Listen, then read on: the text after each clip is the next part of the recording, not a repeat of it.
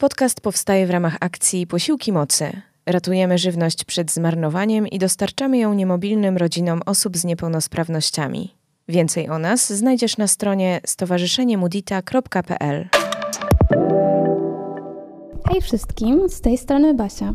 Zapraszam Cię na nowy odcinek podcastu Mocy. Przedstawiamy w nim historię niemobilnych rodzin osób z niepełnosprawnościami. Dzisiejszą rozmówczynią jest Patrycja, która opowie Wam o swojej definicji szczęścia, o swoim nieszablonowym myśleniu oraz o ograniczeniach, które często występują jedynie w naszych głowach. Innymi słowy, poznajcie kobietę, która wciąż uczy się, jak to jest być sobą.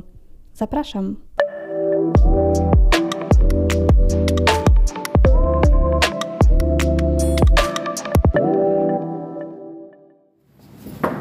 Hej! Hej, hej, już odsuwam się. Dobrze, to jak tam? Gdzie idziemy? Możemy tutaj do pokoju. A napijesz się czegoś może? Mogę ci coś zaproponować? To wodę picia? To już ci podaję. Jak tam się miewasz? No, świetnie, świetnie. Wiesz, właśnie wróciłam z wakacji. O, a, a właśnie. co tam u ciebie? A w porządku, cieszę się też, że udało mi się Ciebie Też tutaj się- złapać też jeszcze. Się cieszę. Będziemy mogły sobie porozmawiać. Dobrze.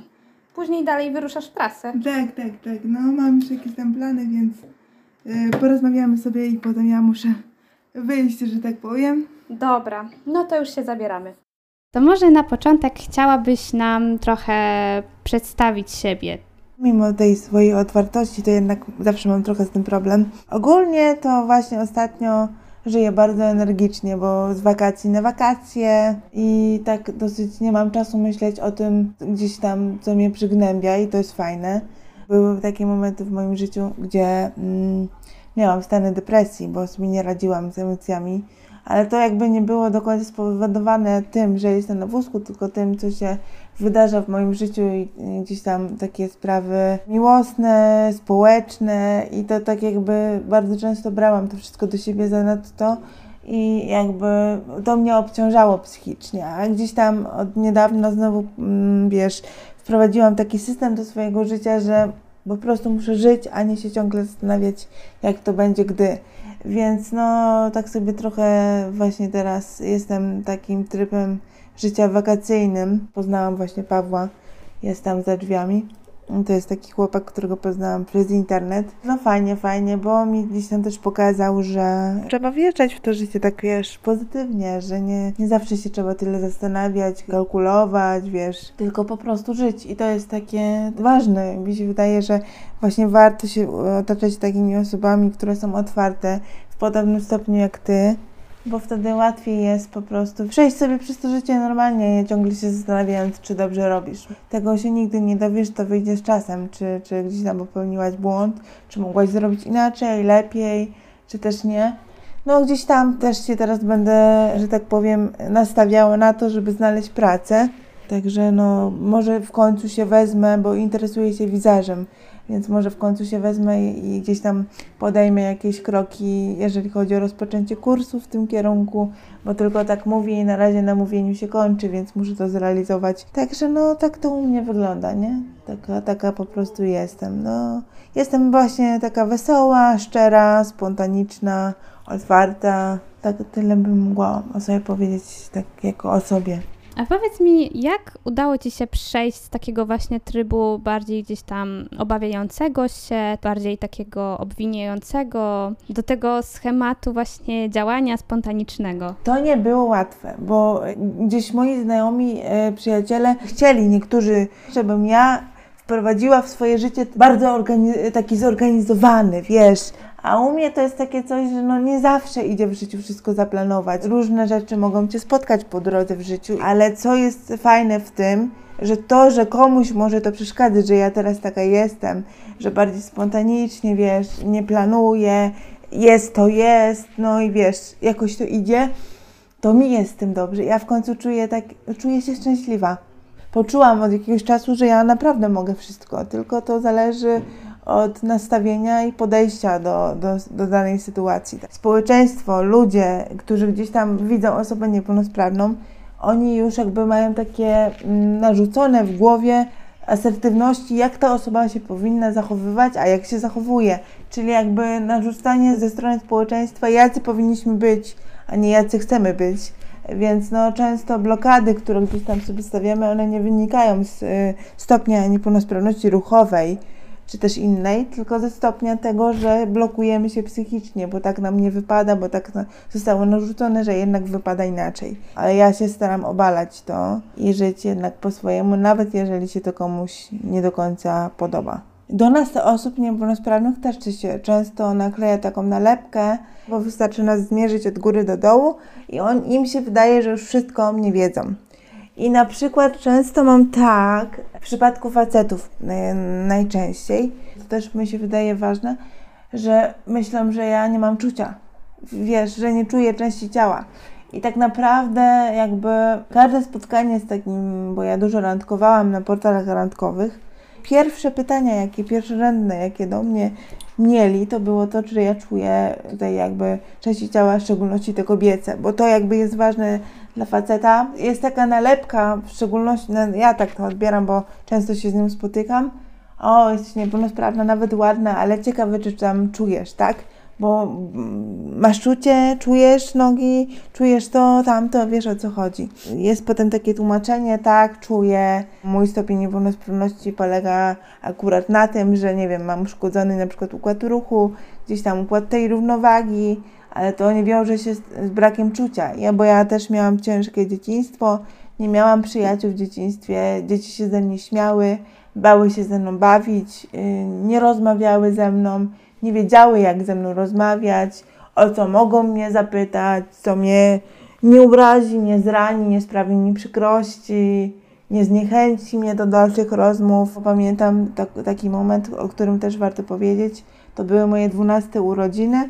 Ja nie miałam koleżanek i mojej mamie w tym momencie, w tym dniu było tak przykro, bo gdzieś tam wiedziała, że wchodzę w wiek dojrzewania, gdzie ja ciągnę do ludzi, bo ja od zawsze byłam bardzo otwarta i asertywna i chciałam po prostu mieć dużo ludzi wokół siebie, lubiłam się otaczać ludźmi. To, do czego się posunęła, było bardzo złe, bo zadzwoniła do mojej wychowawczyni z klasy i powiedziała, że muszą coś wymyślić, bo Patrycja ma 12 urodziny i mama by chciała, żeby byli goście, czyli byli jacyś rówieśnicy w moim wieku.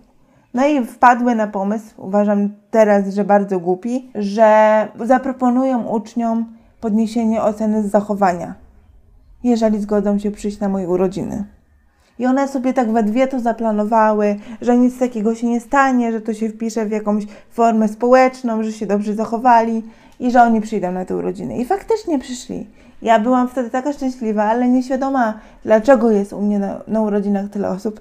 I przyszło 13 osób, które tak naprawdę mnie nie znały, przyniosły bardzo nieadekwatne prezenty, bo nawet nie wiedziały, czym ja się interesuję, co ja lubię i co warto mi podarować, żeby mnie to ucieszyło. Ale mniejsza o to, to już nie chodziło o prezent. Ja się cieszyłam, że oni po prostu ze mną są. Ale jak się z czasem dowiedziałam, i to tylko jedna osoba postanowiła się do tego przyznać, a reszta za tym poszła, że oni przyszli, bo mają podniesioną ocenę zachowania, to ja wyprosiłam wszystkich gości i powiedziałam, że ja takich urodzin nie uznaję. Bo jeżeli ktoś ma do mnie przyjść, bo miał coś obiecane w zamian za to, że nie wiem, porobi jakieś sztuczne uśmiechy, czy będzie udawać, że chce mnie polubić albo chociaż mnie poznać, to dla mnie to nie ma sensu. Dlatego to były jedne z gorszych urodzin, bo, bo nie było to szczere. Nie było to szczere i faktycznie moje pozostałe urodziny, do tych 18 urodzin, to faktycznie przychodziły jakieś ciotki, koleżanki mojej babci, które gdzieś tam mnie szanowały jako człowieka, ale no długo, długo nie miałam przyjaciół. Etap społecznościowy, gdzie ja się uspołeczniałam z ludźmi, zaczął się dopiero w szkole z internetem. Tutaj mi się zaczął mój etap taki społeczny, gdzie zaczęłam mieć wielu przyjaciół z podobnym schorzeniem jak mo moje, czy innymi jakimiś takimi dodatkowymi to przynajmniej nie było udawane, bo dużo spędzaliśmy ze sobą czasu, dużo rozmawialiśmy i przynajmniej była ta akceptacja. Ja nie musiałam kogoś udawać, czegoś ukrywać, mogłam być w 100% sobą, bo wiedziałam, że te osoby mnie zaakceptują i ja zaakceptuję te osoby.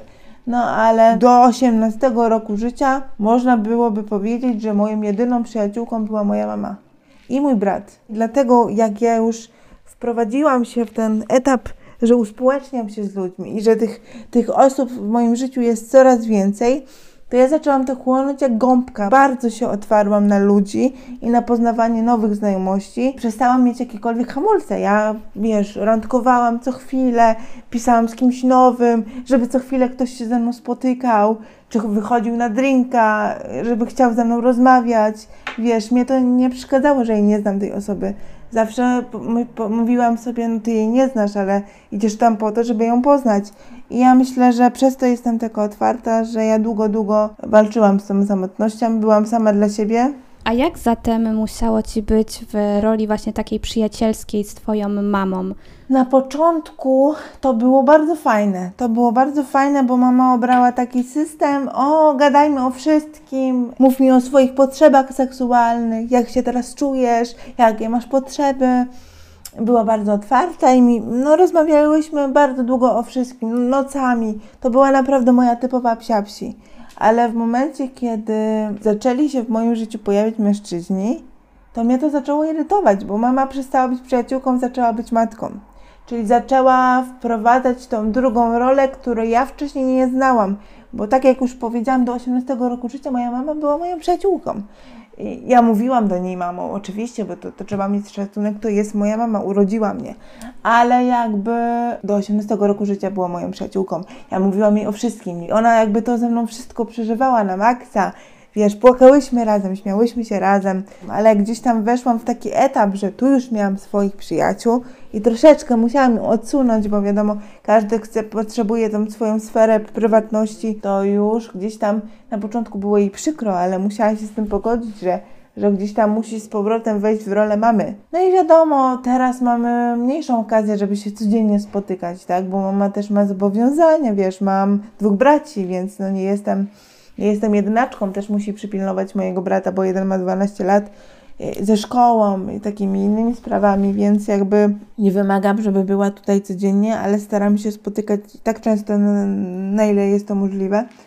No ale mamy dobry kontakt, bardzo dobry. No wiadomo, że jako mama musi wypowiedzieć czasami swoje surowe zdanie, ale u mojej mamy zaletą jest to, że ona pozwala swoim dzieciom popełniać własne błędy. I ona widzi, że to jest błąd i wielokrotnie mi mówi nie tą drogą, spauzuj trochę, odpuść. Ale ona wie, że jestem na tyle uparta, że tego nie zrobię i tak pójdę po swoje aczkolwiek nie ogranicza mnie. Nie ogranicza mnie, tylko po prostu jak popełnię ten błąd i on faktycznie gdzieś mnie zaboli, no to gdzieś tam mama nie robi mi, nie suszy mi głowy. A widzisz, mówiłam ci, wiesz, postąp inaczej, mniej by bolało, tylko jakby cierpi ze mną. Jeżeli jest taki moment, że ja muszę to wycierpieć, przecierpieć, no to po prostu ona to wszystko ze mną bardzo mocno przeżywa i przechodzimy przez to razem, ale no nie ogranicza mnie, tak? A powiedz, czy na chwilę obecną nie boisz się zaufać drugiej osobie? Ja bardzo długo naiwnie ufałam każdemu, kto wchodził w moje życie. Ja mówię sobie, nie, on mnie bardzo lubi, on na pewno będzie do wieczności w moim życiu. I nastawiałam się do tego tak, że na pewno nigdy mnie nie oszuka. Ale pojawiały się takie sytuacje w moim życiu, że ciągle byłam oszukiwana. Raz za razem, raz za razem ciągle ktoś walił mi jakąś ściemę, powiem takim językiem dosyć y, młodzieżowym. Powiedziałam sobie, że ja nie szukam teraz miłości, tylko po prostu szukam przyjaciela, z którym mogę spędzać czas. W każdym aspekcie, czy seksualnym, czy seksualno-społecznym. Po prostu chcę, nie wiem, wychodzić z kimś na drinka, obejrzeć z kimś film, żeby mnie ktoś przytulił, żeby ktoś się ze mną pośmiał, nie wiem, opowiedział mi kawał, zapalił papierosa. No po prostu ja chcę czuć, że żyję.